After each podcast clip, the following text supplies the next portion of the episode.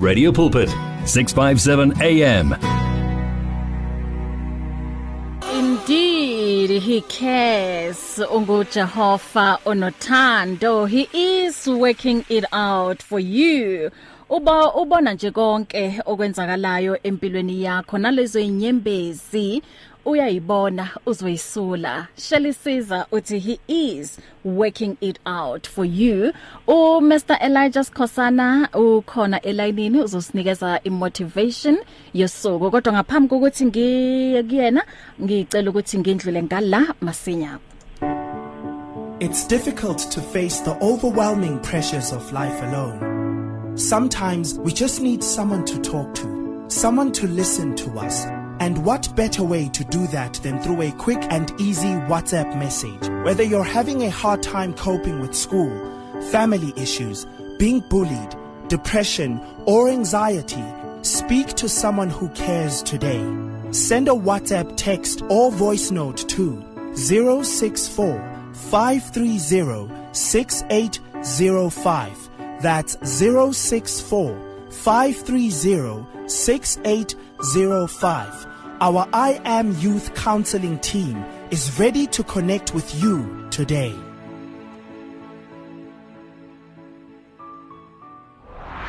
Radio buzzing of life 657 AM Siyaku Mr Elijah Skosana ezosinikeza imotivation. Sawubona baba. Kunjani mama? Ngiyaphila wena unjani? Nayi ngiyaphila ngomusa. Amen amen amen amen. Usiphatheleni namhlanje?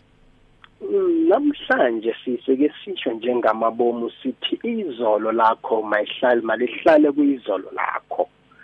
Mama Yes. mama mawungahlali kuyizolo lakho. Mm. Ngoba ngoba isitha esimelane naso sinendaba nekusasa lakho. Yeah kodwa kuze sikwazi ukukususa kukusasa lakho sifuna ukuthi unake izolo lakho. Mm. bese wena ukhuluma izolo lakho ngaso sonke isikhathi. Ungasakhulumi ukuphila.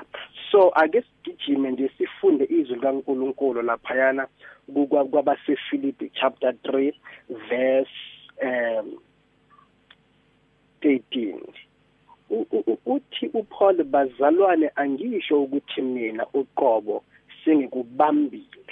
Kepha kunye engikwenzayo ngikhohlwa okungasemuva ngizelulelo kokungaphambili ku14 athi ngijonge emgomeni emhlomelweni wokubizwa okukhulu kwa- kwaphezulu ngoNkulunkulu kuKristu Jesu Mm. and then ku verse 7 same chapter sisibahle uthi kanti ke lokho kwakuyinzuzo kimi Mm. ngikushaya indiva ngenxa ngenxa kaKristu so now njengoba ngisho sisibahle ngithi izolo mayihlale kuyizolo lakho. Yeah. mawungangeni nezolo lakho kunamhlanje ngoba usathane ubhizi ukuvulela ama case ngenxa yezolo lakho.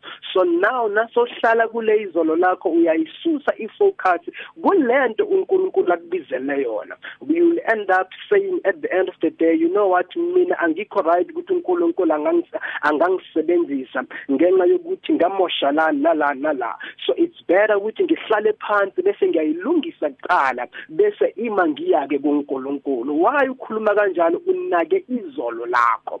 So uPaul uthi uthi uPaul aku aku akathi yena sekakubambile uPaul kodwa uthi yinye into engiyenza ngikhohlwa ukusemuva. So mntaka baba it might happen ngusiso ngumama unabantwana lapho ekhaya. Abantwana banababa bana abana baba wabathola out of wedlock. Into engizokutshela yona ukuthi uNkulunkulu wavuma ukuthi lembewu ihlale esibelethweni sakho. Bese uyabaletha labantwana awuqalekisiwe wena. uNkulunkulu into wayeyifuna wayefuna nje lembewu kuphela. And then uNkulunkulu wayazi ukuthi labantwana nguye ozoba ngubaba kubo. So wena akumelanga namhlanje uyi uyikhathaze bese uze uthi amadoda yizinja. So into engizokutshela yona ukuthi khohlwa izolo lakho. Naka lomkhomelo lona omkhulu okuNkulunkulu akubizele kuwo. So usathane uzoyenza sure ukuthi uyakususa bese ukhuluma ukhuluma ukufa phezulu kwempilo yakho. Into engizokutshela yona namhlanje ukuthi khuluma ukuphila ukhohlwa ikuzolo lakho. Singabalekelapi na uma singabalekeli kuye? Ngoba amazwi okuphila akuye uNkulunkulu. So uma uhleli kuye izolo lakho angeke libe namandla. Izolo lakho angeke libe yilutho. In fact angeke futhi ulentertain noma ungangena nje ungangena eyinkingeni uyazi ukuthi uzobungena naye uJesu. Uzoloku uphakamisa uthi uJesu yinkosi. Noma kungaba nje namhlanje izinto zingangifezi kodwa uJesu yinkosi. Ungithembisile ukuthi mina ngisingumsila mina ngikhanda. Futhi ungithembisile ukuthi mina I'm blessed coming in and I'm blessed going out. Futhi ungithembisile yena ukuthi akubusisile yena. Akunamuntu ozoqalekisa. Wena simo ukhona right now anginendaba nawe. Ngoba ngiyazi ukuthi wena simo uzosuka ngesikhathi esifanele. Sisibahle ngiyayithanda lento ngiyathanda ukusho ebantwini ngithi umdlalo awunamdlalo onganababukeli. Umdlalo uhlala unababukeli. Labantu ebahleli kuma grandstand bayabanga umsindo. And labantu futhi ebahleli laphana bayakwazi ukusubstitute and labantu futhi baspecialize ukuthi babhowa amavuvuzela. Kodwa uma wena uyiplayer uyazi indawo yakho uzofocusa ukuthi uscore a target ukwazi ukushaya igoal elimnandi futhi ezwenza ukuthi bavale umlomo bese futhi abanye babo bazophakama bakushayela izandla abanye nabaphakama bazophakama nezitha zakho zikushayela izandla yet at the same time izitha zingashaya izandla kubuhlungu ngaphakathi. So ngizokutshela ukuthi khohlwa izolo lakho ngoba izolo libelonga kuyizolo. So uNkulunkulu uyakuvumela ukuthi ungene eyimeni ngenxa yokuthi kunabantu afuna ukubalanda kulesimo lesiya. Kunabantu uNkulunkulu angabavumeli ukuthi bangene eyimeni ngoba uyazi ukuthi labo bantu angeke bakwazi ukusurvive uvumela wena ukuthi ungene kulesimo uma labantu sebangenile kuleso simo batrape leso simo uyazi uNkulunkulu kulomuntu engamfaka kulesimo ngizobisela yena kulesimo lesiya bese ukwazi ukuyabakhipha abantwana bami. Angithi thina sisibahle singabantwana bakaNkulunkulu singabakaNkulunkulu into kumele siyenze ukuthi sikhulume ukuphila ngoba uNkulunkulu ngezwi lakhe na wakhuluma kwaba khona. Nathi nasikhuluma ukuphila siyakudala ukuphila ukuphila kuba khona. So uma ukhuluma izolo lakho impilo yakho izoba yizolo. Angeke ibe yilento uNkulunkulu afuna ukuthi ibe yiyo. So masikhohlwe yizolo lethu kwenzakele kwenzakele. Amanzi achithekile sewachithekile angeke sikwazi ukuwabuyisa. It might happen bakubiza ngemurderer bakubiza ngerapist bakubiza ngesebe. Wawuyi awuseseyikho lokho. Namhlanje uyisidalwa esisha. Bheka kwakudala kwadlula. Wena focusa kulona okubizile. Ngoba nguye umdali wakho. Nguye futhi owaziyo. Uthi mina enisundayo nenikhatheleyo lethani kimi konke lokho bese nginika mina elami ijoke ngoba ijoke lami lilula. Masikhohle ngabantu sisibahle ngoba abantu bayakhuluma and bazokukhuluma abakuthandayo sisibahle. Kodwa wena uma ungumntwana kaNkuluNkulu uthi izwi likaNkuluNkulu lithi mangikhohle kwayizolo. Uzovele uthi noma uhlangabezana nezinkinga uzovele surely goodness and mercy shall follow me injalo sisibahla ijike ngoba ungumntwana kaNkuluNkulu. Mm mm. Injalo mbembe sisibahle umntwana kaNkulunkulu khumbula sisibahle sithena simthola uJesu. uJesu azange asithembise ama flowers azange uJesu asithembise izinto ezimnandi. And uJesu azange athi uma wena sungumntwana wami usathana izolahlekelwa iaddress yakho. Akakushongo lokho. Kahle kahle uma sesingena uJesu simembatha lo Jesu aphila kithi we declare impi nalombuso kaSathane. Sizoketula umbuso kaSathane. Kancane so kungacabanga ukuthi uma usempini kuzovele kube lula. Into khona na uyisota mele usihlale uyenze uyenze sure ukuthi isikhali sakho sihlala si right ngaso sonke isikhathi. Isikhali sakho sihlala si loaded ngaso sonke isikhathi. Ngoba yena the accuser uyaya kuNkulunkulu ayo complain about you. Ucomplain ngani na? Ucomplain ngezolo lakho. Why wena ucomplain ngezolo lami? Ngiyazi ukuthi wena uzoba yini kusasa. It it might happen wena awazi ukuthi uzoba yini kusasa but mina sitha sakho ngiyazi ukuthi uzoba yini. Yingakho ngifuna ukususa ifocus kulento ozoba yiyo. Ngifuna ubheke lento lena ebebakhuluma ngayo. Lento beyikuyenza ikhumule ube ngqunu kapha ugqokile into ekuyenza ukuthi uze uziswabele nawe ube namahloni uhluleke even nokuphumela ngaphandle. Kodwa wena songumntwana kaNkuluNkulu manje. Konke kakudala kundlulile bheka okusha kuyafela. Surely goodness and mercy shall follow you for the rest of your life. Uyazi sisibahle nawe hamba naye uJesu hamba noNkulunkulu. Into kumele uyazi nawe uhamba endleleni isitha sakhe singusathani uyohlangana naso. And then siyokuvulela amacala ngaso sonke isikhathi. Kodwa uma ungahambi naye uNkulunkulu angeke uhlangane naso lesitha sure don't dwell on the past. It's a new day. Usuku olusha lolu mfundisi. Usuku olusha ni sibheke Lolu suku phambili yebo. Asib- Sibheke asibuki emuva. Cha and i- into wen- enza ukuthi siphokophele phambili ukuthi sikholelwa kulokho uKristu akushi ak- akushoyo kithina. Ekutheni Yeah. sizidalwa ezintsha. The old Ezintsha. is gone. Your Oh, yes. past mistakes mzalwane a- awungabanjwa ikona ukuze ungakwazi ukuthatha the next step. Oh yes oh thank you so much. Mm mm.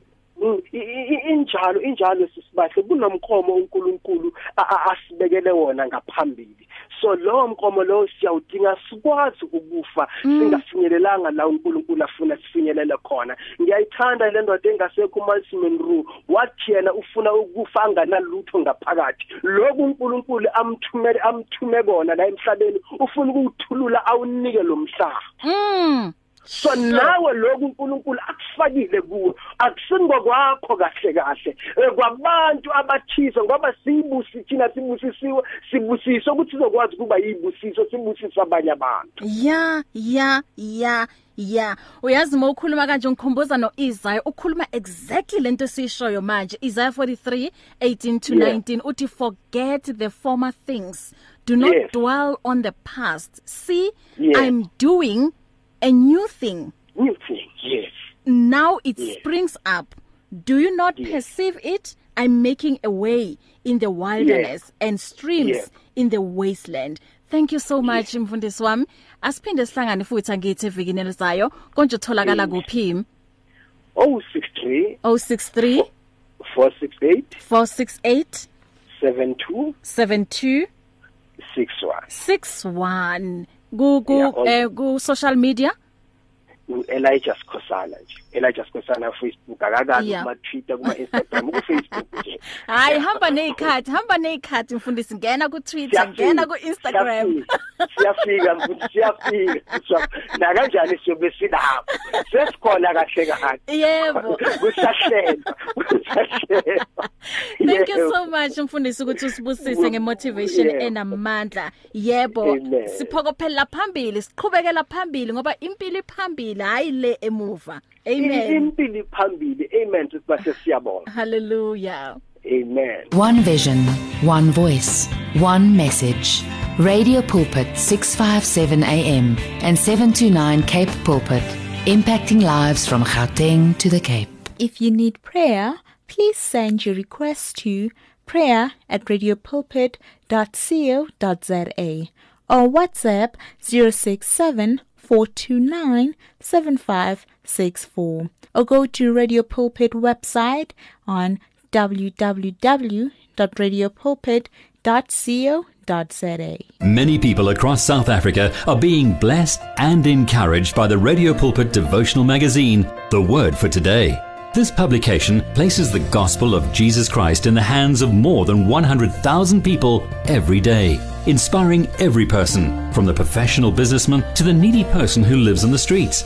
Each edition contains daily scripture based devotionals and inspiring articles to help you grow spiritually. The booklet is given with the compliments of Radio Pulpit, but your donation, large or small, will help us to print the next edition and continue being the hope of the gospel to a world in desperate need. The word for today. Get yours today on 012 334 1200 or subscribe online at www.radiopulpit.co.za. Radio Pulpit, your daily companion. and live the life at 657 AM. 657 AM. You and 657 AM and life, a winning team on the road to eternity.